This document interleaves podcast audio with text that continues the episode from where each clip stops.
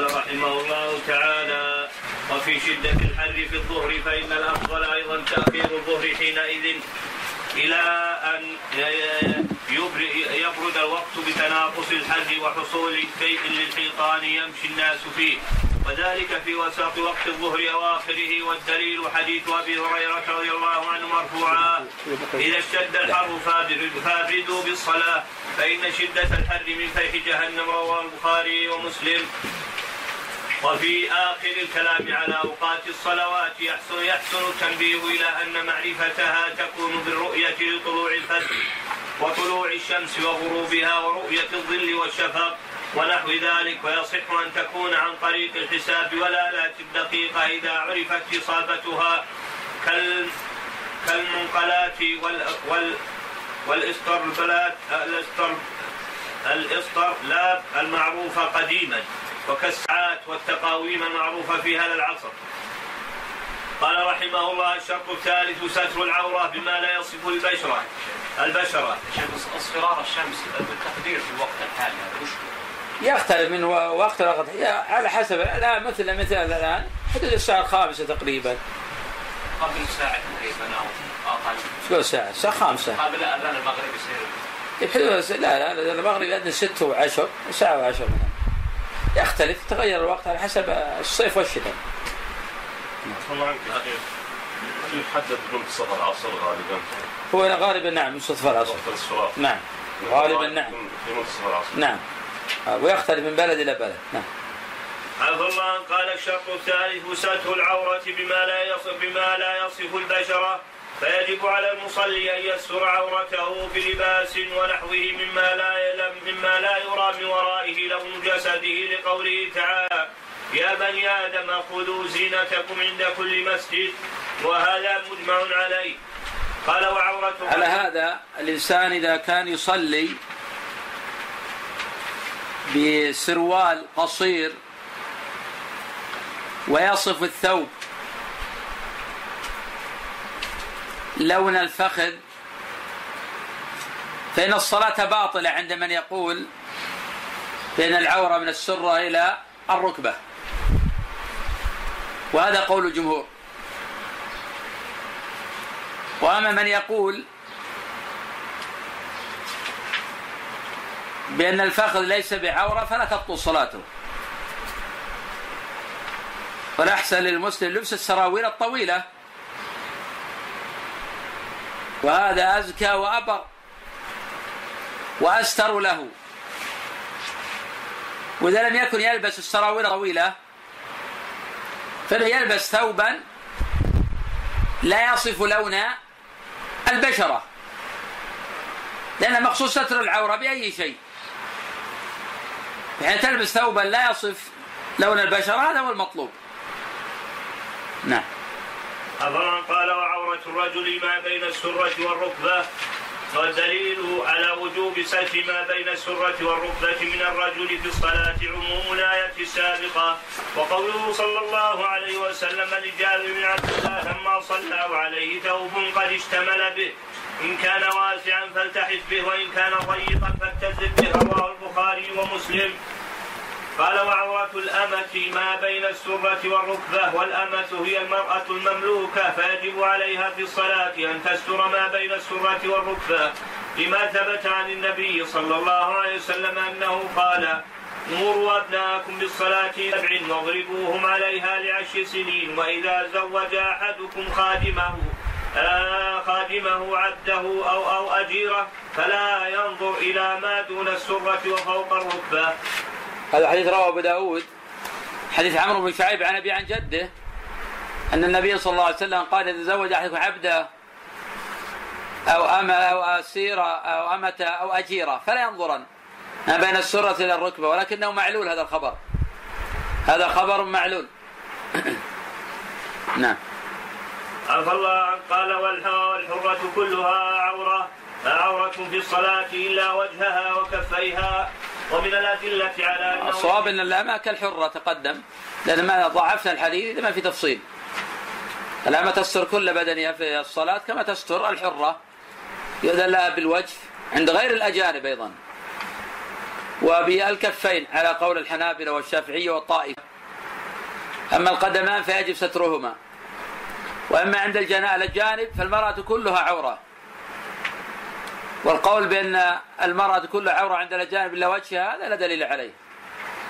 قدم الحديث عن المذهب السلام مرارا وبين أن رواية افعال الخدين شاذة. فرد به عبد الملك عن عطاء وخالفه ابن جريج. ومن حديث المرأة إذا بلغ سن المحيض فلا ينبغي يرى منها إلا هكذا وهكذا بينا علة وأن في خمس علل. وأن في خمس علل وأنه منكر جدا. وأن من صحح مثل هذا لا يعتمد عليه. إذا كان صح هذه المنكرات والأباطيل والمتفق عليها عند الأوائل فهذا واضح أنه ما شيء. وأما أيضا حديث الخثعمية بين رواية وضيئة شاذة وأنه ليس بصريح. يرد المحتمل إلى الأحاديث الصريحة. والقاعدة ذكرها الشاطبي وغيره من أهل العلم أن الأحاديث المشتبهة ترد إلى الأحاديث الصريحة والمحكمة فيزول الإشكال. المرأة كلها عورة النبي أتى بلفظ عام كلها عورة. ما يستثنى من ذلك شيء إلا ما دل الدليل عليه. نعم. عفى الله عنه قال ومن الأدلة على أنه يجب على الحرة ستر جميع جسدها في الصلاة عدا وجهها وكفيها ما روي عن النبي صلى الله عليه وسلم أنه لأنه قال لا يقبل الله صلاة حائض إلا بخمار. هذا الحديث أيضا معلول. معلول بالإرسال. ولكن له طريق قوي عند الطبراني من حديث أبي قتادة. نعم. عفى الله عنك. قال وقد ذهب بعض أهل العلم إلى عدم وجوب ستر المرأة قدميها في الصلاة أيضا لعدم الدليل الصريح على وجوب سترها وهذا هو الأقرب. في دليل صريح. حديث أم سلمة. النبي صلى الله عليه وسلم قال إذا كان صابغا يغطي ظهور قدميها. دل هذا على وجوب ستر القدمين. وذهب طائفة أيضا من العلماء إلى وجوب ستر اليدين أيضا. منهم أحمد في رواية. واستدلوا على هذا بحديث المرأة عورة. وإذا لم يثبت استثناء إلا للوجه. عند غير الأجانب أيضا. نعم. عفوا عنك حديث ام سلمه هل هو دليل على ستر القدمين في الصلاة؟ نعم هو هو اصل في الصلاة هي سالت أصلا هو في الصلاة. مسلسل في الصلاة. كفين يا شيخ الصواب انه سترون يا شيخ؟ نعم. كفين. أحوط للمرأة تسأل كفين أحوط لها اخرون الخلاف أما القدمان فيها الدليل اللي في دليل في دليل. قدمين نعم. أفضل قال وأم الولد والمعتق والمعتق بعضها كالأمة؟ قدم عندنا لا فرق. لأنه لا دليل على التفريق. والفروق ما نثبته إلا بأدلة والأدلة إذا كانت ضعيفة ما نعتمد عليها. نعم. عفى الله عنه. بعد الدرس. بأن عورتهما من السرة إلى الركبة لأنهما لا تزالان في حكم المملوك حيث لم تحصل لهما الحرية الكاملة. والمملوكة من السرة إلى الركبة تصلي. تدل على هذا؟ نعم. عفى الله عنك من صلى في ثوب مغصوب أو دار مغصوبة لم تصح صلاته. وقد علل أصحاب هذا القول بأنه استعمل في شرط العبادة أمرا محرما فلم تصح كما لو صلى بثوب نجس متعمدا. وذهب جمهور أهل العلم إلى أن صلاته صحيحة مع الإثم لأن التحريم لا يعود إلى الصلاة. فلا يمنع صحتها وهذا هو الأقرب. نعم لأن التحريم ما عاد إلى ذات المنهي عنه والنهي لا يقتضي الفساد إلا في حالتين. الحالة الأولى أن يعود التحريم إلى ذات المنهي عنه. الحالة الثانية أن يعود إلى شرط من شروط العبادة. كما لو صلى وستر عورته بعمامة حرير بطلت صلاته. أن ستر العورة شرط لصحة الصلاة. ولو لبس عمامة حرير لم تبطل صلاته. لكنه آثم. لأن هذا لم يتعلق بشرط ولم يعد إلى ذات المنهي عنه. ومن هذا لو توضأ بإناء ذهب. صح الوضوء على الصحيح. لأن النهي لا يعود إلى ذات المنهي عنه. بخلاف ما لو توضأ بماء نجس هذا لا يصح. لأنه عاد إلى ذات المنهي عنه. نعم. عفى الله عنه.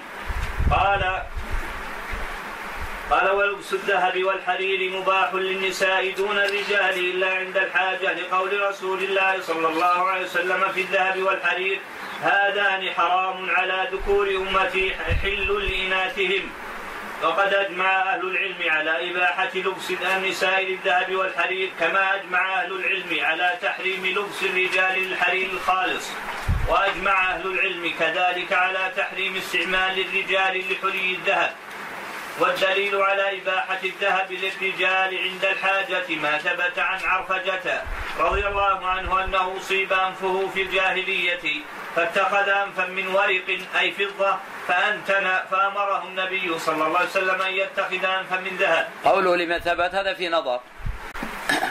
حديث معلول بالإرسال.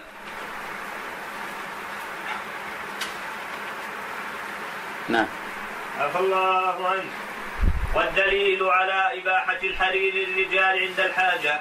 ما رواه البخاري ومسلم عن عن أنس بن مالك رضي الله عنه أن النبي صلى الله عليه وسلم رخص للزبير بن العوام وعبد الرحمن بن عوف رضي الله عنهما في لبس الحرير لحكة كانت بهما. قال ومن صلى من الرجال في ثوب واحد قاعدة في هذا أن المحرمات نوعان. محرمات لذاتها لا تباح إلا للضرورة. النوع الثاني محرمات لغيرها. يعني تباح للحاجة كالذهب والحرير لأنها ما حرمت لذاته لو كانت محرمة لذاته لحرمت على النساء. نعم. عفى الله عنه قال ومن صلى من الرجال في ثوب واحد بعضه على عاتقه أجزاه ذلك. والدليل قوله صلى الله عليه وسلم لا يصلين أحدكم في الثوب الواحد ليس على عاتقيه منه شيء. رواه البخاري ومسلم. ففي هذا الحديث النهي عن الصلاة في ثوب واحد ليس على العاتقين منه شيء فدل ذلك على وجوب تغطية العاتق. نعم رواية عن أحمد يجوز أن يكشف عاتقا ويجب يستر عاتقا. والرواية الثانية عن أحمد يجب ستر العاتقين معا. لأن رواية التثنية محفوظة. أما الجمهور فيحملون ذلك على الاستحباب لا على الإيجاب. نعم. وقد ذهب جمهور أهل العلم إلى أن تغطية العاتقين مستحب وليس بواجب لقوله صلى الله عليه وسلم لجابر لما صلى في ثوب قد اشتمل به. إذا كان واسعا فخالف بين طرفيه وإذا كان ضيقا فاشدده على حقك. لكن هذا يحمل على التعذر.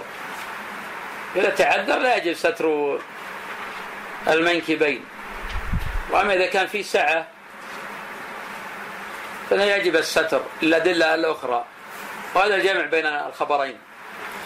نعم. أفضلك عليه فلو صلى الرجل في إزار آه، في إزار أو سراويل تغطي ما بين سرته وركبته صحت صلاته. وكذلك لو صلى في اللباس الذي يشبه السراويل ويسمى بنطال أو بنطلون. وكان يتمكن حال صلاته فيه من الاعتدال في السجود وفي الجلوس ولا يخرج شيء من عورته في الركوع أو السجود ولم يكن ضيقا يصف حجم البدن صحت صلاته به. فيه. قال فإن لم يجد إلا ما يستر به عورته سترها وترك عاتقيه لحديث جابر السابق. على نبينا محمد وعلى آله وصحبه أجمعين قال رحمه الله تعالى فإن لم يجد إلا ما يستر به عورته سترها وترك عاتقيه لحديث جابر السابق. نعم لأن ستر العورة مجمع عليه. وستر المنكبين في تفصيل تقدم ذكره فيقدم المتفق عليه على المجمع عليه. يعني يقدم المتفق عليه على المختلف فيه. ولأن حديث جابر صريح فإنه إذا لم يجد فليتزر به. نعم. عنك فإن لم يكف ما وجده من السترة لستر عورته جميعها ستر الفرجين وهما القبل والدبر. فيجب تقديم فيجب تقديمهما على بقية العورة إذا لم يجد ما يكفي لستر جميع عورته لأنهما أغلب العورة. قال فإن لم يكفهما أي إذا كان ما وجده من السترة لم يكفي ستر جميع الفرجين ستر أحدهما لقوله تعالى فاتقوا الله ما استطعتم. قال فإن عدم السترة بكل حال فلم يجد شيئا يستر به ولو بعض عورته صلى جالسا يومئ بالركوع والسجود لأنه يحصل بالجلوس ستر أغلظ العورة وهو, وهو الفرجان. تقدم عندنا أنه إذا صلى جالسا أن الإيماء يكون بالرأس لا يكون الإيماء بالظهر.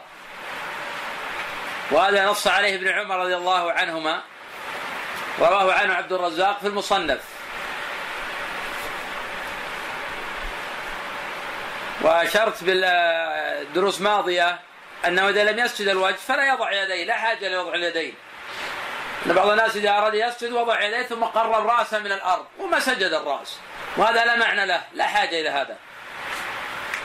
فإذا لم يسجد الوجه لا تسجد يدان. نعم. والله عنك هل صح يا شيخ في الفخذ انها عوره حديث؟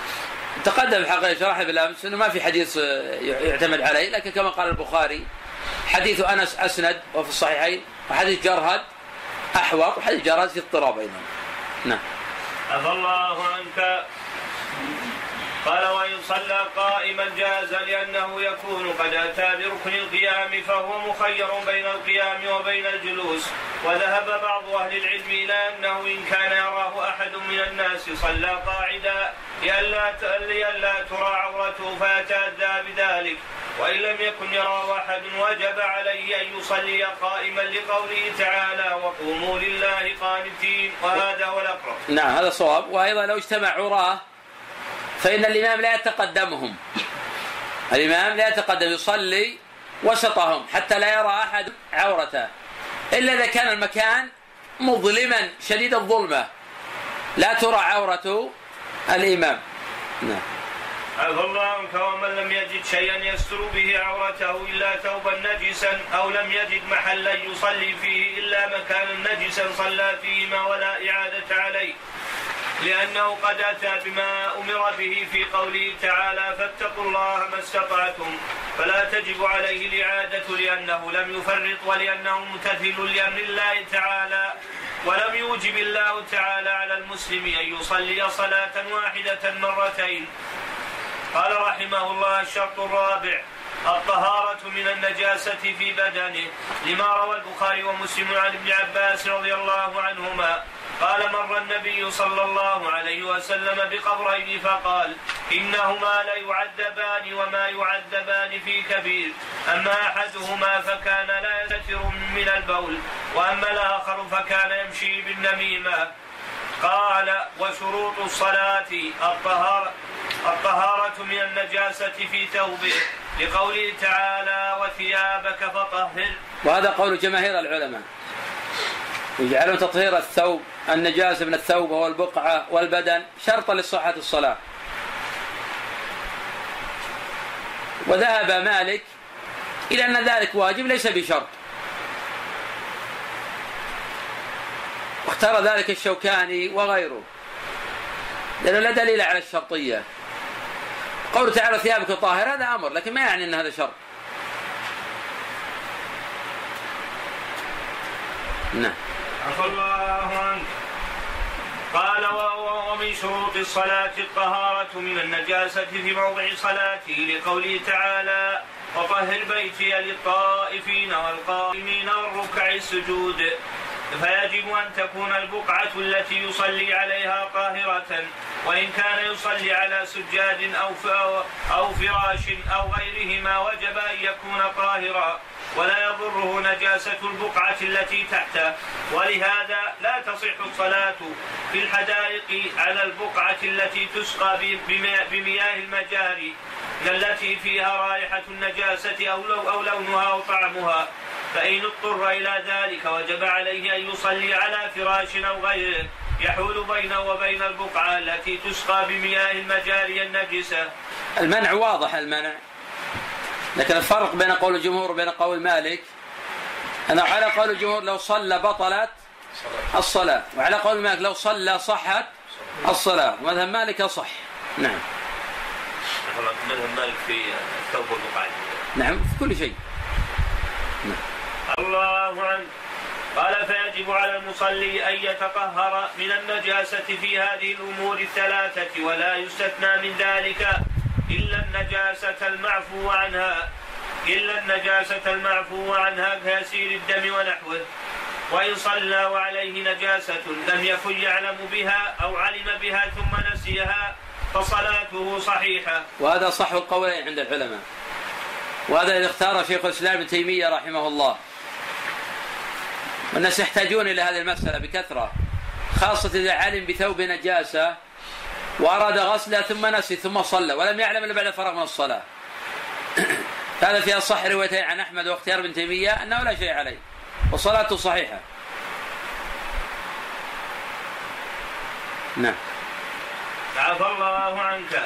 قال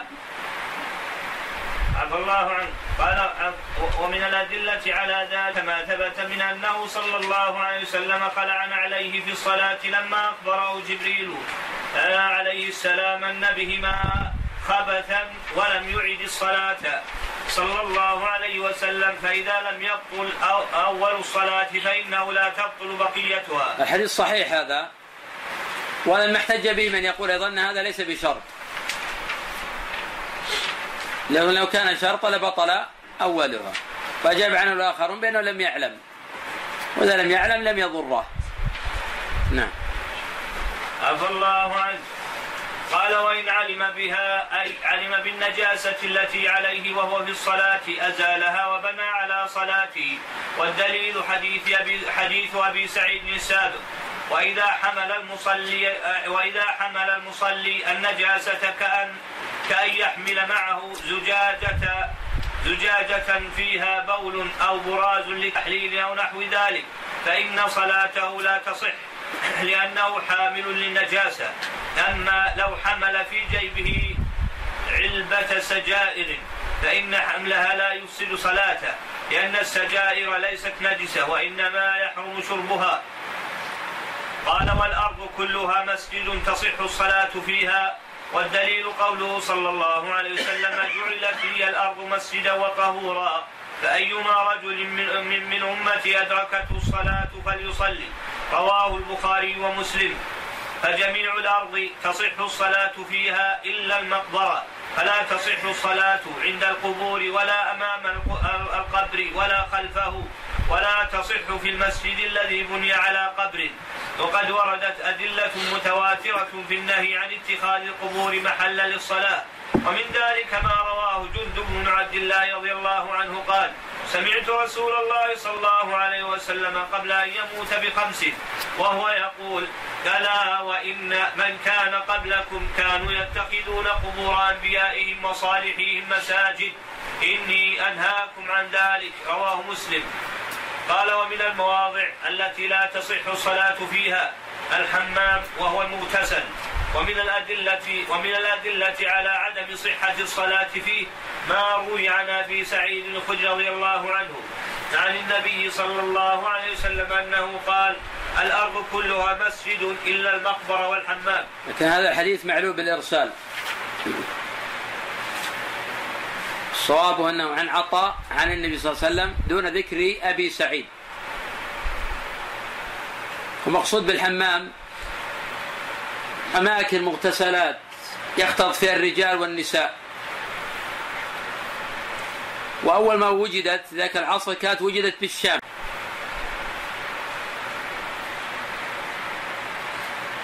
وهي الآن منتشرة في أكثر البلاد. أما نحن في بلادنا فنسمي ما كان يسمى من قبل الكنيف نسميه نحن الآن حماما. تغير الاصطلاح. الكنيف هو موضع قضاء الحاجة.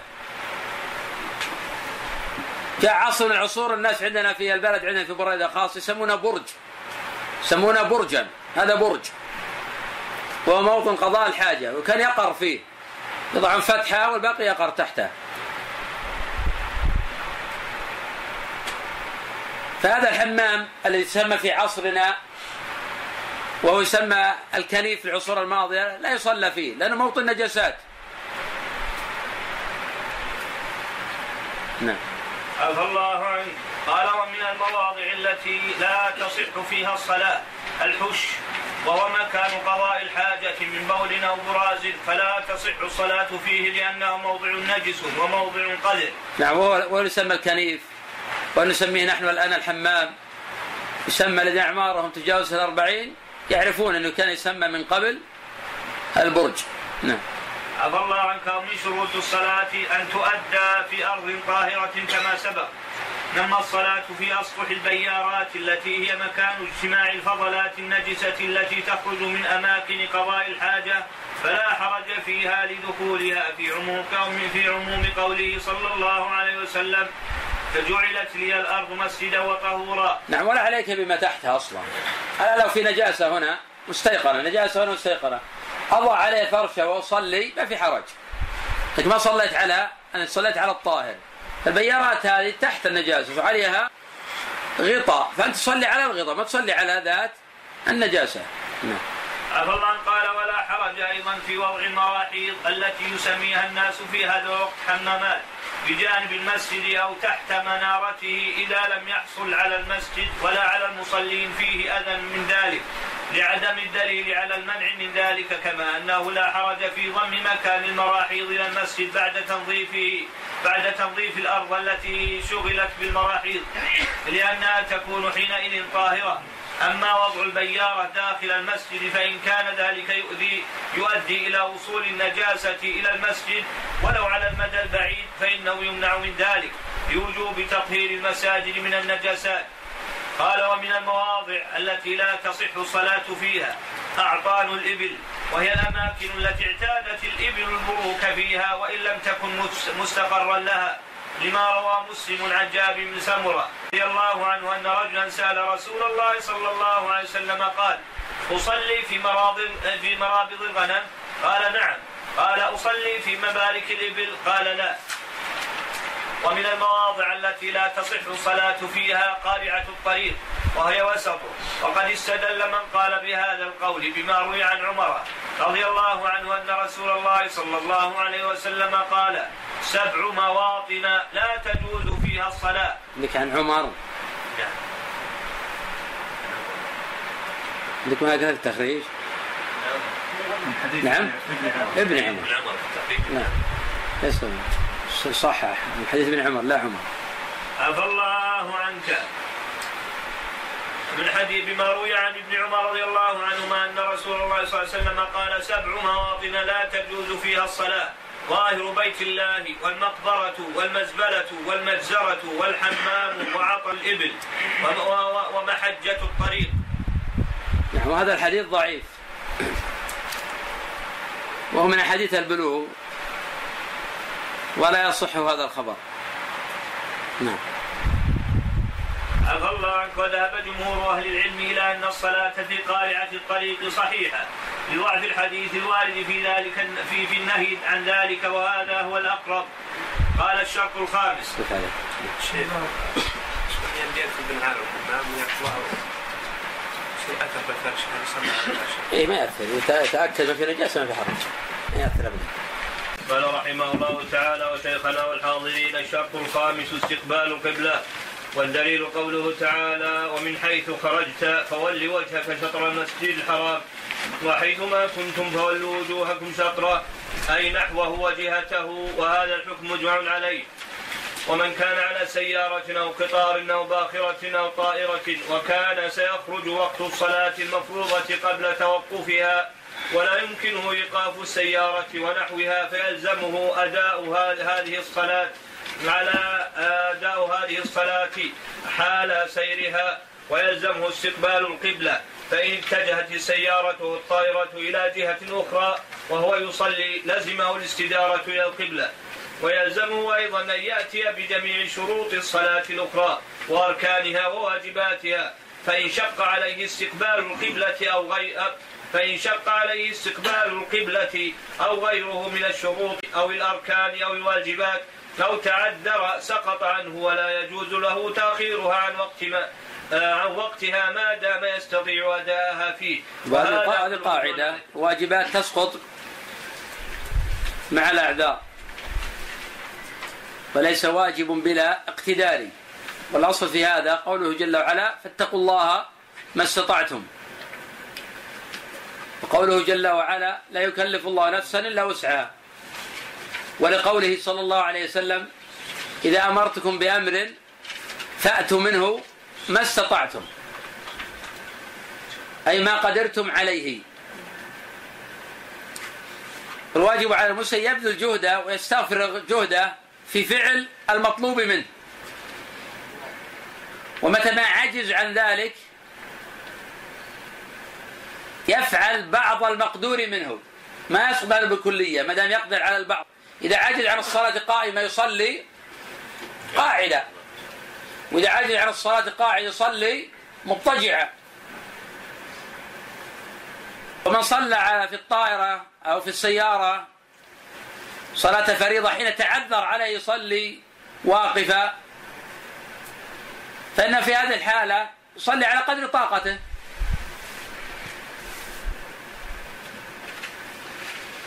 ولكن يجب عليه في هذه الحالة استقبال القبلة. لأن استقبال القبلة شرط لصحة الصلاة.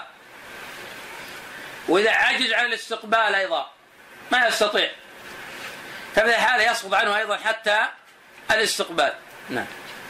عفى الله عنك لقوله تعالى فاتقوا الله ما استطعتم.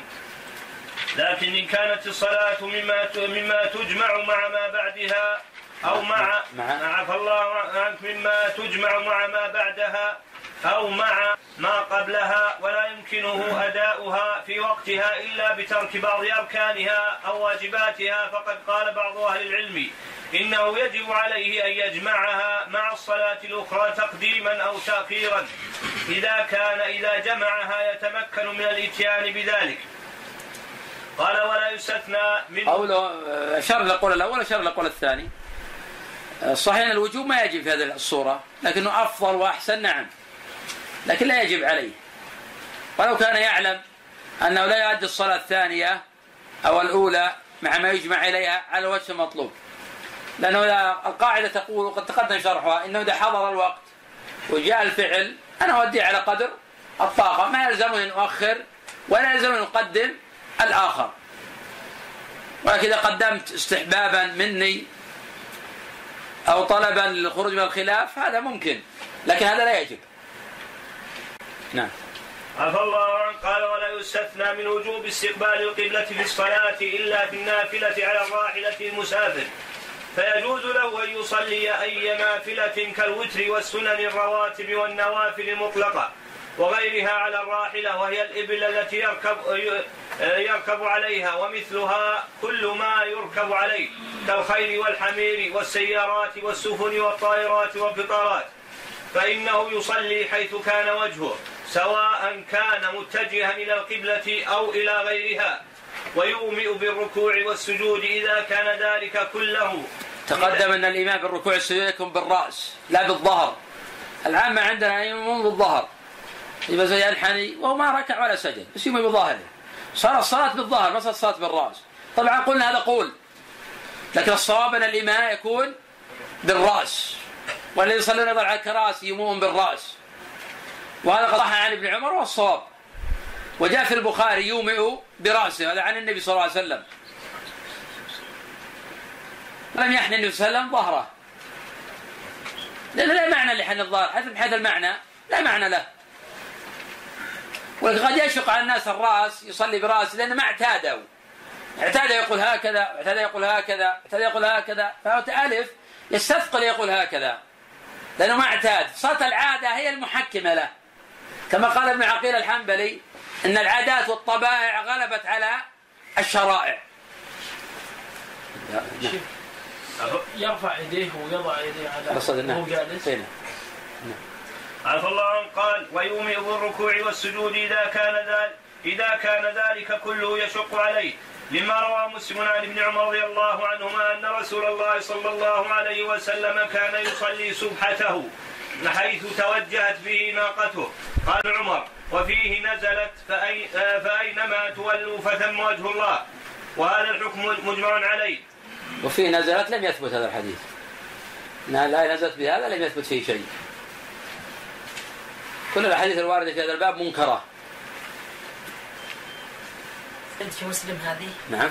لم ترد وفيه نزلت في مسلم؟ لا كله شاذة ما في صحيح. نعم. عفى الله عنك. قال وكذلك العاجز عن الاستقبال لخوف أو غيره كفوات رفقة أو ضياع مال أو حراسة أو نحو ذلك. فهذا يجوز له الصلاة إلى غير القبلة في الفريضة والنافلة فيصلي كيفما أمكنه. ومن الأدلة على هذا ما رواه البخاري عن نافع عن ابن عمر أنه ذكر صفة صلاة الخوف ثم قال فإن كان فإن كان خوف هو أشد من ذلك صلوا رجالا قياما على أقدامهم أو ركبانا مستقبلي القبلة أو غير مستقبليها. وهذا ظاهر القرآن. فإن خفت رجالا أو ركبانا وأيضا حتى العدد ينقص وقت التحام الحرب واشتدادها وعدم القدرة على الصلاة. يدل على هذا ما جاء في صحيح مسلم حديث ابن عباس. فرض الله صلاة الخوف ركعة واحدة. سئل عنه الإمام أحمد قال هذا إذا التحم الصفان الصفان. فأخذ به الإمام أحمد في هذا الجانب. وأخذ به داود بن علي وأهل الظاهر. وهكذا أيضا حمله الحافظ ابن كثير في تفسيره. وذلك في حديثه عن آية الخوف في سورة النساء.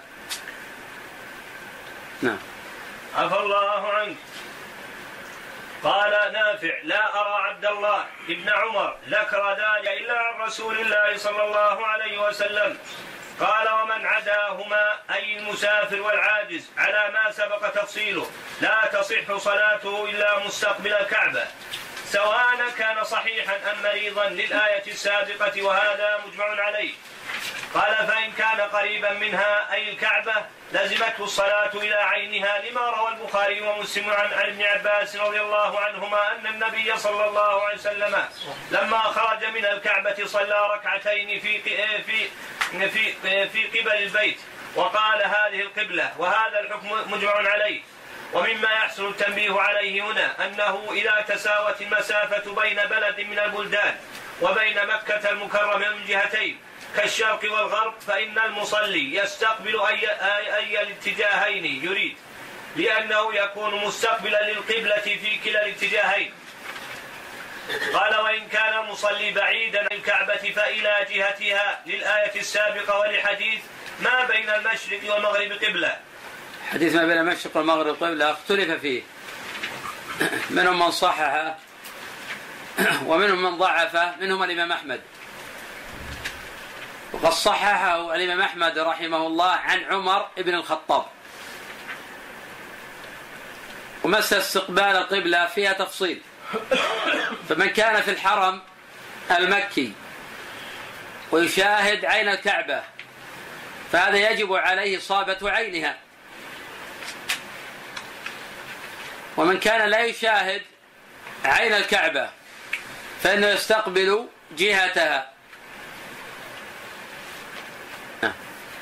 عفى الله عنك. هل يوجد الآن أو على في كتب الفقهاء كان كما ذكر الشيخ في الوسط يستقبل هنا أو يستقبل هنا. الأوائل؟ لا ما يذكرونها. الأوائل أو الحاضرين في لا. لا لا بس هو يذكره طبعا هذا معاصر. هو. الآن هل هل هناك أمة هكذا في مسلمين في نقطة معينة يصلون ما أعلم أحدا إمكانية هذا لكن نعم. موجودين إن شاء الله. نعم. ذكرهم معبود ذكرهم. قال شلون تشخيص جغرافيا؟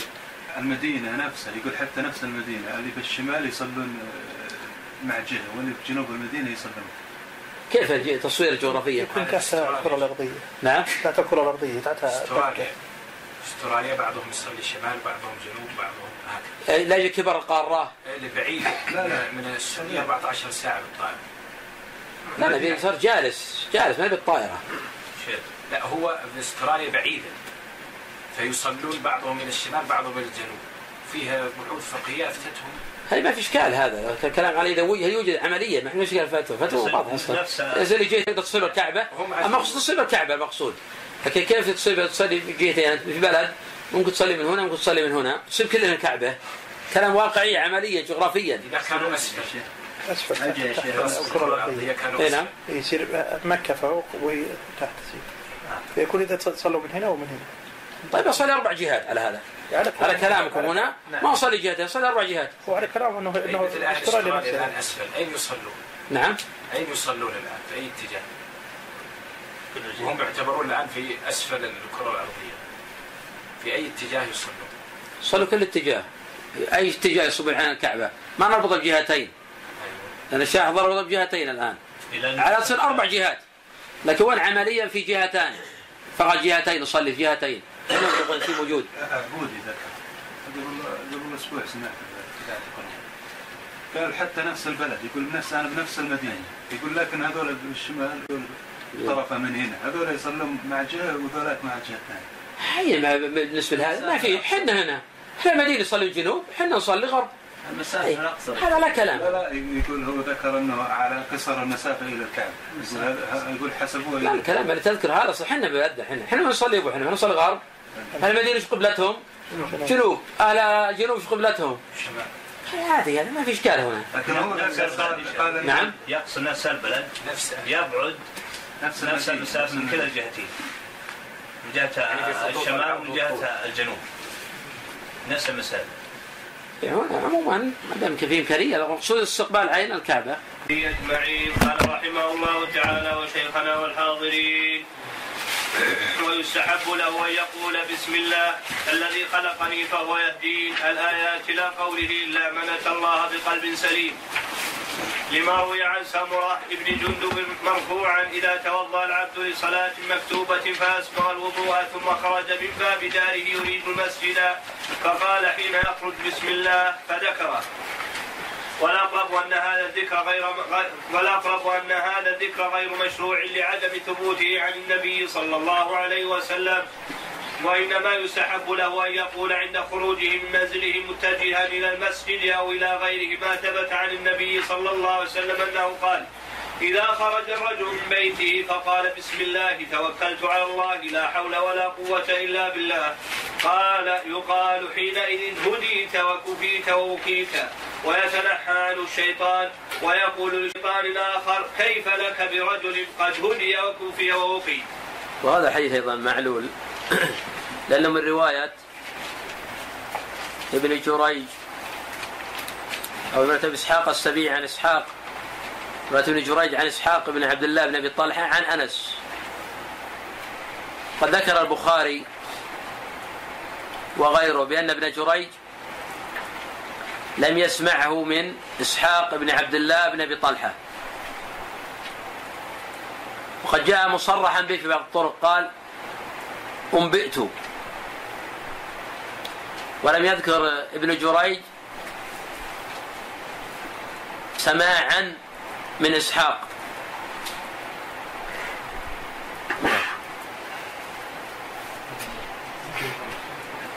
عفى الله عنك. قال ويستحب أيضا أن يقول اللهم إني أسألك بحق بحق السائل عليك وبحق ممشاي هذا فإني لم أخرج اشهرا ولا بطرا ولا رياء ولا سمعة خرجت ابتغاء سخطك وابتغاء مرضاتك. أسألك أن أن تنقذني من النار وأن تغفر لي ذنوبي. إنه لا يغفر الذنوب إلا أنت. لما روي عن النبي صلى الله عليه وسلم أنه كان إذا خرج إلى الصلاة قال ذلك. والأقرب عدم مشروعية هذا الذكر أثناء المشي إلى المسجد لعدم ثبوته عن النبي صلى الله عليه وسلم. لأن من رواية عطية العوفي عن أبي سعيد الخدري وعطية العوفي سيء الحفظ ولا يحتج بشيء من حديثه. من ثم لا يشرع قول هذا لأنه ضعيف. نعم. عفى الله عنك قال عفى الله عنك. وإنما يستحب أن يقول ما رواه البخاري ومسلم عن ابن عباس رضي الله عنهما عن النبي صلى الله عليه وسلم أنه خرج إلى الصلاة وهو يقول اللهم اجعل في قلبي نورا وفي لساني نورا واجعل في سمعي نورا واجعل في بصري نورا واجعل من خلفي نورا ومن أمامي نورا واجعل من فوقي نورا ومن تحتي نورا. اللهم اعطني نورا قال رحمه الله فإن سمع الإقامة لم يسعى إليها لقول رسول الله صلى الله عليه وسلم إذا أقيمت الصلاة فلا تأتوها وأنتم تسعون وأتوها وعليكم السكينة فما أدركتم فصلوا وما فاتكم فأتموا. رواه البخاري ومسلم. قال وإذا أقيمت هذا الحديث عام يشمل كل الصلوات. قد ذهب بعض الأئمة إلى أنه إذا كان يوم الجمعة وخشي فوات الركعة الثانية جاز له السعي. وهذا قول شيخ الإسلام ابن تيمية رحمه الله. وظاهر الحديث العموم أنه لا فرق بين جمعة أو غيرها. ولا فرق بين أن تفوته الصلاة أو أن يفوته بعضها. والعلة في هذا أن مثل هذا يذهب الخشوع ويفقد التركيز. لأنه إذا دخل في الصلاة يكون قد حفزه النفس. فيؤذي من بجانبه من المصلين ولا يركز. الصلاة بحاجة إلى خشوع. كما قال أبو الدرداء رضي الله عنه في البخاري معلقة من فقه الرجل إقباله على صلاته وقلبه فارغ. ولأن النبي صلى الله عليه وسلم قال حين سئل التفات قال اختلاس يختلس الشيطان من صلاة العبد. إذا كان الالتفات بالبدن اختلاسا فالالتفات بالقلب أعظم. الاختلاس بالقلب يذهب الخشوع قطعا. نعم. عفى الله عنك قال إذا أقيمت الصلاة فلا صلاة إلا المكتوبة. أي إذا ابتدأ المؤذن في إقامة الصلاة فلا يجوز أن يبتدأ في أن يبتدأ في صلاة نافلة سواء كانت هذه النافلة من السنن الرواتب أو من غيرها. لقوله صلى الله عليه وسلم إذا أقيمت الصلاة فلا صلاة إلا المكتوبة رواه مسلم. أما إذا كان قد شرع في هذه النافلة قبل الإقامة فإن كان قد صلى أكثرها أتمها خفيفة. اللي تسبون لمذهب أبي حنيفة طبعا الأحناف يرون وجوب ركعتي الفجر. الأحناف يرون وجوب رك... وجوب ركعتي الفجر يعني الراتبة. لذلك يدخلون المسجد وقد أقيمت الصلاة ثم يجلسون يصلون. وهذا غلط كبير. ولو قيل بوجوب الركعتين. وأبو حنيفة نفسه لم يقل هذا. إنما قاله بعض المنتسبين لمذهبه. وهذا من قلة فقههم ولأن أجهل الناس بالأحاديث هم الأحناف. حتى أن إمامهم لا يحفظ سوى 500 حديث فقط. والنبي صلى الله عليه وسلم يقول إذا قيمت الصلاة فلا صلاة إلا المكتوبة. والنبي صلى الله عليه وسلم حين أقيم الصلاة ورأى رجلا قام يصلي قال آه الصبح أربعة. وأنكر عليه النبي صلى الله عليه وسلم. وهذا في مسلم أيضا. فمثل هذا منكر مخالف للأحاديث الصحاح ويجب الإنكار على هؤلاء لمخالفتهم للسنة الصحيحة التي لا معارض لها. وسواء اعتقدوا وجوب الركعتين أو لم يعتقدوا. الحكم واضح. مع أنه ما هناك دليل على وجوب ركعتي الفجر. ولا فرق بين راتبة الفجر وبين غيرها إلا في الفضل. لقوله صلى الله عليه وسلم ركعة الفجر خير من الدنيا وما فيها. وهذا ليس أمرا ولا دليل وليس هذا دليل على الوجوب. وأما إذا أقيمت الصلاة وهو يصلي فهذا محل خلاف بين العلماء. هل يقطعها؟ أم يتمها خفيفة؟ الصواب أن يتمه خفيفة. لا دليل على القطع. إلا في حالة واحدة. إذا خشي أن تفوته ركعة والحاذق ما تفوت ركعة. يقتصر على أدنى الواجب ويصلي. والدليل على هذا أن قوله صلى الله عليه وسلم إذا أقيم الظرف إذا ظرف لما يستقبل من الزمن. وليس ظرف لما مضى إذ ظرف لما مضى. أما إذا ظرف لما يستقبل من الزمن. والنبي قال إذا أقيم الصلاة فلا صلاة إلا المكتوبة. يعني لا تنشئ صلاة بعد إقامة الصلاة وليس معنى الحديث. إذا قمت الصلاة فأي صلاة باطلة؟ هذا ما في دلالة. نعم. عفى الله عنك قال لأنه لم يبق من نافلته إلا أقل من ركعة وما كان أقل من ركعة فليس بصلاة فلم ينه عنه. وإن كان بقي من نافلته أكثر من ركعة قطعها للحديث السابق. قال وإذا أتى المسجد قدم رجله اليمنى في الدخول لإجماع العلماء على أن اليمين يستحب أن يبدأ بها في الأمور الفاضلة. قال ويستحب عند دخول المسجد أن أن أن أن يقول بسم بسم الله والصلاة والسلام على رسول الله. اللهم اغفر لي ذنوبي وافتح لي أبواب رحمتك. الحديث الواردة في التسمية عند دخول المسجد كلها ضعيفة. والحديث الواردة أيضا في الصلاة على النبي صلى الله عليه وسلم مختلف فيها. قواها بعض العلماء وظاهر وسنيد الصحة عند أبي داود. ولكن الظاهر أيضا أنها معلولة. من جمع طرقها تبين له العلة. وأن المحفوظ هو اللهم اغفر لي ذنوبي افتح لي أبواب رحمتك وعند الخروج أبواب فضلك. هذا هو المحفوظ. بقي حديث آخر حديث عبد الله بن عمرو بن العاص. اختلف أيضا في صحته. أن النبي صلى الله عليه وسلم دخل المسجد قال أعوذ بالله العظيم وبوجهه الكريم السلطان القديم من الشيطان الرجيم. وهذا ظاهر إسناد الصحة. نعم. عفى الله عنك.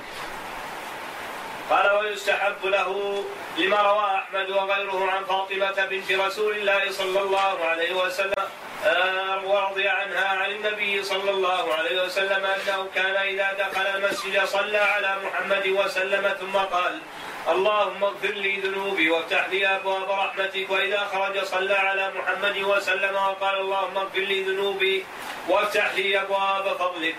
ويستحب له إذا دخل المسجد أن يصلي ركعتين تحية للمسجد لقوله صلى الله عليه وسلم إذا دخل أحدكم المسجد فلا يجلس حتى يصلي ركعتين. وهذا الحكم يشمل أيضا مكتبة المسجد إذا كانت داخلة في حائطه ومقتطعة منه. إذا كان الباب داخليا. إذا كان باب المكتبة داخل المسجد تأخذ حكم المسجد لأنه يجوز الاعتكاف في هذه الغرفة. أما إذا كان الباب خارجيا وليس للغرفة باب داخلي. هذه لا تأخذ حكم المسجد. لأنه لا يجوز الاعتكاف في هذه الغرفة. نعم. عفى الله عنك. قال وهذا الحكم يشمل أيضا مكتبة المسجد اذا كانت داخلة في حائطه آه، ومقتطعة منه لأنه لأنها حينئذ جزء من المسجد. فيستحب أن يصلي تحية المسجد إذا دخلها أما إن كانت هذه المكتبة. مبنية بجوار المسجد فإنه لا يشرع لها تحية آه، فإنه لا يشرع لها تحية المسجد ولو كانت ملتصقة به وفتح لها باب بداخله. إذا فتح لها باب داخل المسجد وكانت تابعة للمسجد داخل السور فإنها تأخذ حكم المسجد. إذا كان داخل السور كل ما كان داخل السور فإنه تابع للمسجد. وذاك لو بني قبر وضع قبر داخل عرصة المسجد فإن هذا يسمى مسجدا في قبر ولا تجوز الصلاة فيه. ليس المقصود المكان اللي يقيك من حر الشمس والمطر. كل ما كان داخل السور ناخذ حكم المسجد. نعم. الله عنك. ولهذا كانت بيوت النبي صلى الله عليه وسلم ليست من المسجد النبوي مع أنها ملتصقة به. نعم لكن ليست لم يكن سورها سور المسجد. لأنه لم يكن سورها سور المسجد. كانت مستقلة. أما إذا كانت غرفة داخل المسجد داخل سور المسجد. وبابها يفتح على المسجد أيضا شرط ثاني هذا. هذا تأخذ حكم المسجد. أما لو كان سورها سور المسجد وبابه يفتح خارج المسجد هذه ما تأخذ حكم المسجد. ولو كانت ملصقة بالمسجد. ولذلك لا يجوز الاعتكاف في هذه الغرفة أبدا. نعم. نعم لو كان داخل. ولو كان داخل. ما دام بابه ما يفتح كيف تعتكف؟ إذا إذا أردت أن تصلي اذا تخرج من المسجد. نعم. عفى الله عنك قال وفي مكتبة مسجدي وفي حكم مكتبة مسجدي كل غرفة أو بناء ملصق بالمسجد كغرفة الحارس وغرفة الإمام وغيرهما فإن كانت مقتطعة منه وداخلة في سوره وإن كان إن كان له سور وفتح لها باب إلى المسجد فهي جزء منه ولها حكمه في تحية المسجد وغيرها من الأحكام. وإن كانت غير مقتطعة منه ولا تدخل في سوره فليست جزءا منه ولا تعطى حكم مسجده آه، في تحية المسجد وغيرها. قال وإذا خرج من المسجد قدم رجله اليسرى لإجماع العلماء على على أن اليسرى يبدأ بها في الأمور المفضولة ومن ذلك الخروج من المس- من المساجد. قال ويستحب عند الخروج من المسجد أن يقال أن يقال ذلك أي يقول عند الخروج مثل ما قال عند الدخول كما سبق إلا أنه يقول وافتح لي أبواب فضلك. بدلا من قول عند الدخول وافتح لي أبواب رحمتك. والدليل على استحباب هذا الذكر عند الخروج من المسجد حديث فاطمة رضي الله عنها السابق. حديث فاطمة تقدم إنه معلول إنه من رواية فاطمة الصغرى عن فاطمة الكبرى. وفاطمة الصغرى لم تسمع من فاطمة الكبرى فهو معلول بالانقطاع. عفى الله عنك قال رحمه الله باب صفة الصلاة. قال وإذا قام إلى الصلاة قال الله أكبر. شيخ المعلول الضعيف بالنسبة للفضائل الأعمال مختلف فيه لكن إذا ثبت ضعفه في الصحيح إن شاء الله غني عن الضعيف.